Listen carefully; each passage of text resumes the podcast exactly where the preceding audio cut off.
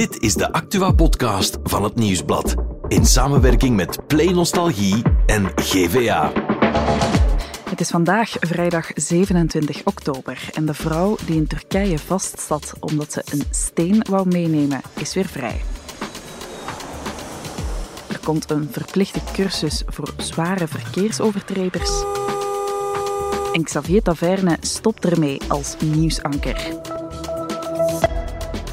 Maar in deze Insider hebben we het over de boze inwoners van Zwijndrecht. Zwijndrecht fuseert met Beveren en Kruibeke en dat kwam hard aan bij de Zwijndrechtenaren. Wij zullen niet langer inwoners van Zwijndrecht zijn. Mijn naam is Saar van Olme en dit is de Insider.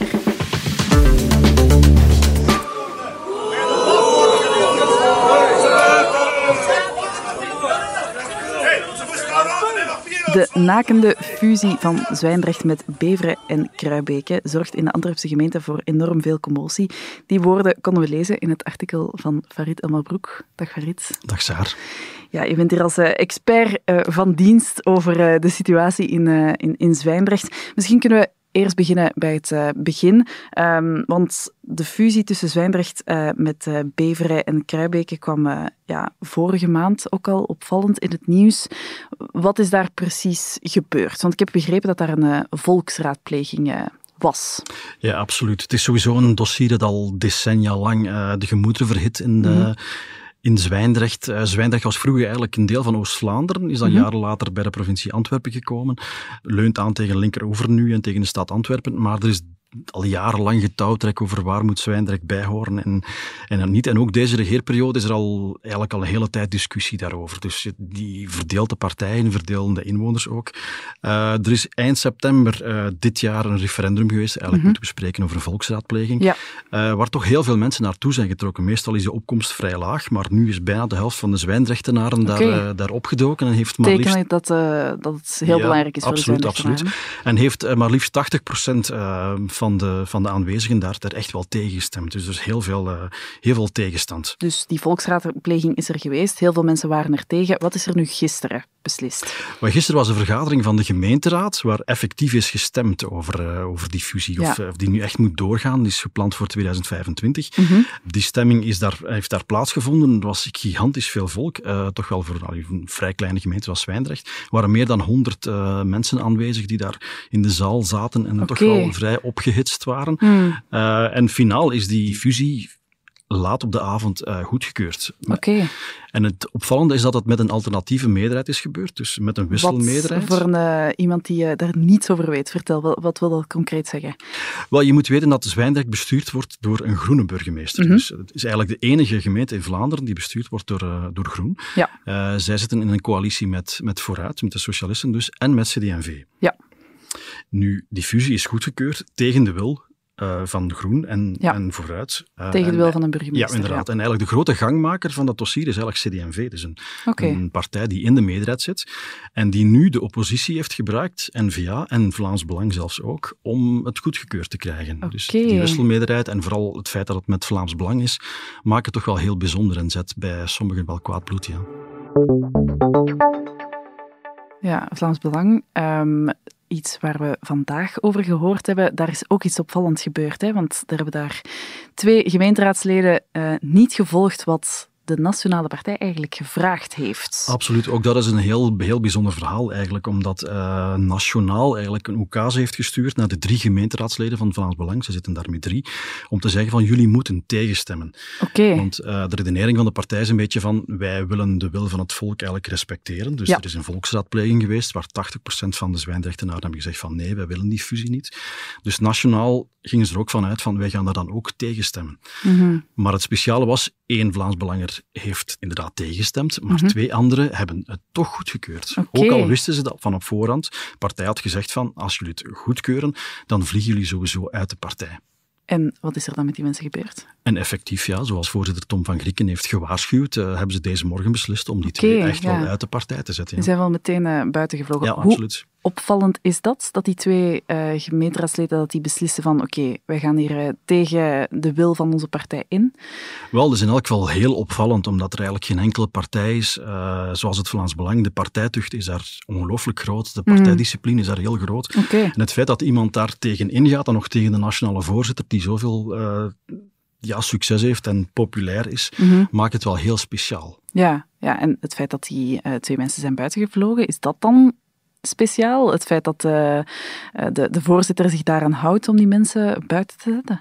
Ja, voor Vlaams Belang is het, uh, is, het, is het wel heel speciaal. Het is in het verleden nog wel al gebeurd uh, met dissidenten die over de schreef gaan of zo. Mhm. Mm -hmm. Maar heel vaak gebeurt het nu, nu ook weer niet. Je kunt Nee. wel afvragen van waarom hebben die twee het gedaan. En achter, achterdochtig iemand zou, zou kunnen denken dat, dat die twee mensen toch wel garanties hebben gekregen om bij CD&V of, of bij NVA bij de gemeenteraadsverkiezingen van volgend jaar op een lijst te gaan staan. Ja. Dat kunnen we uiteraard niet bewijzen, gaan we misschien nu, nu ook niet, uh, niet Nee, te horen krijgen. nee. Maar denk je, dat daar, denk je dat daar een achterliggende strategie is bij, bij Vlaams Belang om dat nu allemaal waar te maken? Wat dat ze, die, die mensen daar buiten zetten en, en tonen van oké, wij, wij volgen uh, wat uh, de mensen ons vertellen. Ja, Vlaams Belang wil uiteraard wel, uh, wel aantonen dat Ja. zij wel luisteren naar de mensen, want uiteraard, Mhm. mm bedoelen, zij leveren ongelooflijk veel kritiek op alle andere partijen, de centrumpartijen, dat ze nooit rekening houden met de wil van de bevolking, dat Ja. er regeringen worden gevolgd, ge, gevormd tegen de wil van de bevolking met andere Mhm. meerderheden. Dus nu willen ze uiteraard ook wel bewijzen dat zij wel het, luisteren naar de mensen en naar het resultaat van een volksraadpleging. Nu horen heel veel verhalen van uh, fusiegemeenten. Uh, Zwijndrecht is een van vele. Waarom is deze fusie dan toch zo speciaal, denk jij? Wel, eerst misschien uitleggen van waarom die, die fusieoperaties er eigenlijk, Hmm. eigenlijk wel komen.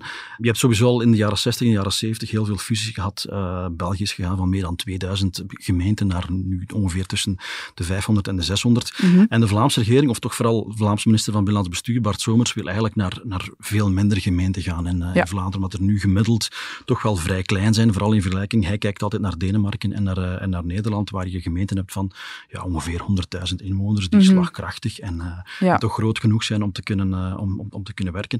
Dus, uh, en in die gemeenten, in veel kleine gemeenten, leeft ook wel het besef dat ze eigenlijk te klein zijn en dat ze moeten samengaan met, of moeten samenwerken met, met anderen. Te klein Eh, zijn om beslissingen te kunnen maken? Of hoe bedoel je te klein zijn? Wel, uiteraard, als je klein bent, dan haal je niet zo heel veel belastingen binnen. Dus Mhm. heb je niet zoveel geld. Je hebt Ja. ook weinig personeel, waardoor die dienstverlening tegenover uw, uw burgers toch ook wel een pak minder is. Mhm. Dus vandaar dat veel gemeenten het wel nodig vinden om dat, uh, om dat te doen. Er zijn, lopen ook heel veel gesprekken uh, tussen gemeenten momenteel. Uh, maar het, het, het speciale aan Zwijndrecht is dat Zwijndrecht toch een gemeente van 20.000 inwoners is.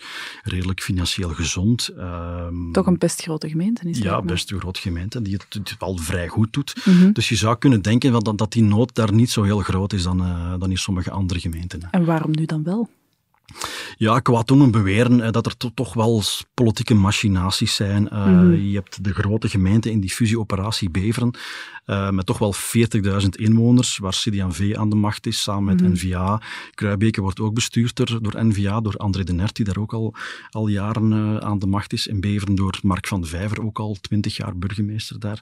En sommigen zien het wel een beetje als een manoeuvre van die twee partijen om het linkse Zwijndrecht, waar de socialisten en de groenen aan de macht zijn, uh, toch wel van die macht te verdrijven. Want je krijgt dan ook wel een heel grote fusiegemeente van bijna 90.000 inwoners. Dat is wat toch wel, dat is een, een, een, een heel grote stad zelfs. En een groot gebied ook, hè? En een heel groot gebied, inderdaad. Ja. Mhm. Waardoor ook Zwijndrecht dan ook bij, terug bij eh, de provincie Oost-Vlaanderen zou, zou gaan horen. Ja, wat betekent dat dan concreet eigenlijk voor die mensen van Zwijndrecht? Ehm, zijn er bepaalde dingen waar ze rekening nu mee gaan moeten houden? Meer belastingen bijvoorbeeld?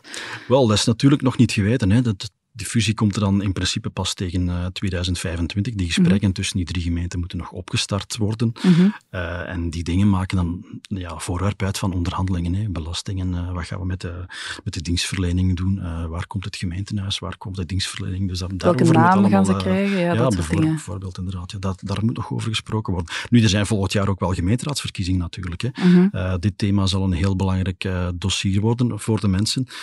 Ik sprak deze morgen met burgemeester André van de Vijver. Mhm. Hij wist nog niet hoe hij het ging doen, maar hij ging toch alles proberen om het toch nog tegen te houden. Oké, okay, ja, ook daar. Uh, want inderdaad, die, die mensen die daar gisteren geweest zijn op uh, die gemeenteraad, die zijn echt boos. Hè? Um, kan je daar iets wat meer over vertellen? Hoe is dat binnengekomen bij de Zwijndrechtsenaren? Ja, het is natuurlijk wel een beetje wraakroepend. Uh, Maar je ziet dat niet alleen in Zwijndrecht. Er zijn op, uh, in heel veel gemeenten volksraadplegingen geweest. Mhm. Nu, die volksraadplegingen, het woord zegt het zelf, het is een raadpleging. Het is niet bindend. Dus gemeenten moeten hier niet naar luisteren, kunnen het Nee. advies eigenlijk gewoon naast zich neerleggen. Maar het is uiteraard wel vreemd dat die worden georganiseerd. Dat je je burgers vraagt om, om zich uit te spreken over een bepaald dossier, maar dat er dan niet naar geluisterd wordt. Ja, is dat dan Dus, niet- eh, Waarom doen we dat dan nog, die volksraadplegingen? Dat is een grote vraag inderdaad. Ja, die volksraadplegingen eh, die bestaan al, ja, al decennia. Eh, die worden niet zo heel veel gebruikt nu, in- bij die fusieoperaties wel. Maar dat is uiteraard dat is decretaal geregeld of grondwettelijk geregeld dat die, dat die niet bindend zijn. Mhm. Eh, bindende referenda zijn eigenlijk niet mogelijk in ons land. Het is grondwettelijk zelfs, eh, zelfs verboden eigenlijk. Op nationaal niveau heb je dat eigenlijk ook niet. Alleen lokaal. Mhm. Nu, je zegt dat de burgemeester er alles gaat aan doen om dat nog tegen te houden. Kan hij dat, denk je? Wel, ik heb eh, deze morgen de burgemeester gehoord en die heeft eh, gegarandeerd dat hij er echt alles gaat aan doen om het toch nog tegen te houden. De vraag is natuurlijk of dat nog gaat lukken, want eigenlijk eh, enkel de gemeenteraden van Beveren en Kruibeke moeten het licht nog op het groen zetten. Maar daar is er sowieso een meerderheid, dus dat gaat geen probleem vormen. En dan begint de bal eigenlijk te rollen en gaat het dossier naar de Vlaamse regering. En in principe bij de verkiezingen van volgend jaar, dus op 13 oktober, gaan de inwoners van Zwijndrecht, maar ook van Beveren en van Kruibeke dan al gemeenschappelijke lijsten hebben eh, voor de drie gemeenten. Dus vanaf dan wordt het toch heel moeilijk om eh, het nog terug te draaien. Nee, oké. Dat lijkt me mooi om mee af te ronden. Dankjewel, Farid, om eh, dat even te komen toelichten. Graag gedaan. Als je wil weten hoe je best je pensioen opbouwt, kan je dat vragen aan je broer. Tony! Zeg, Tony! Voor mijn pensioen sparen pak ik bij stak 21 of 23? 23, 120 pk, ja! Hoort er eens, hè! Je kan er dus maar beter over praten met de experten van KBC. Via Kate en KBC Mobile, via KBC Live of gewoon via je kantoor of agentschap. Jouw leven, jouw plannen. KBC. Beweegt met je mee. En voor het andere nieuws is Joni erbij komen zitten. Dag Joni. Dag Saar. We hebben nieuws uit Turkije, want de vrouw die een steen wou meenemen uit Turkije, die is vrijgelaten. Ja, die mag eh, toch terug naar huis, Inderdaad, herinnert u nog? Het was midden september Mhm. en die wou terugkomen uit Turkije, maar ze mocht niet. Ze zat daar vast, want ze was op de luchthaven betrapt met stenen in haar bagage. Ja, ja, ja. En die wou Ja. ze gebruiken voor haar aquarium of zoiets, had ik klopt, begrepen. Ja, ja. inderdaad. Maar dan bleek dat die stenen van archeologische waarde waren. En ehm, ja, die vrouw was zich van geen kwaad bewust, maar in Turkije zijn ze daar heel, heel streng op. Oké. Nu, het definitieve vonnis volgt op eh, 16 november, maar intussen tijd mag ze al terug naar huis, naar België. Mhm. Eh, ze riskeert wel een boete van 18.000 lira of 624 euro volgens de Turkse media. En zelfs een celstraf tussen 1 en 5 jaar. Oké, ja. Als ik het goed begrepen heb, heeft ze nu niet in de cel gezeten. Hè? Nee, inderdaad. Maar dat zou dus volgens de Turkse kunnen. media nog kunnen volgen. Oké, dat wordt eh, nog even afwachten dus. En er komt een verplichte cursus voor hardleerse chauffeurs. Ja, Wat mensen die zware verkeersovertredingen doen, die moeten een reïntegratiecursus doen. Oké. Eh, dat kan zijn in de plaats van of als aanvulling van een nieuw rijexamen. Volgens minister van Mobiliteit George van Ecolo is deze cursus doeltreffender en zorgt die voor een echte gedragsverandering. En wat betekent dat dan, zo'n cursus? Wat moeten die mensen dan doen? Ja, dat is een soort van praatgroep onder begeleiding van een cursusbegeleider met 10 tot 12 personen. Die moeten dan samen zitten en praten over hun ervaringen. En mensen die te hard gereden hebben, kunnen ook nog een praktijkonderdeel krijgen. Dan hebben we ook nog nieuws over Xavier Taverne, want die stopt als nieuwsanker. Ja, maar hij heeft ook al iets nieuws dat hij gaat doen. Ah, Eh, de VRT was eigenlijk op zoek naar iemand die een nieuw consumentenprogramma kon eh, presenteren nadat Sven Pichal en de inspecteur Gestopt is. ja, gestopt is. Ehm waren ze op zoek naar iemand nieuw. En dus vanaf januari komt er een nieuw programma tussen 9 en 10 uur op Radio 2.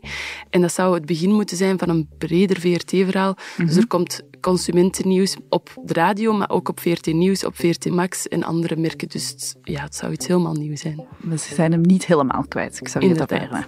Dankjewel, Joni, om het even te komen toelichten. Dan zijn we er maandag weer met een nieuwe Insider.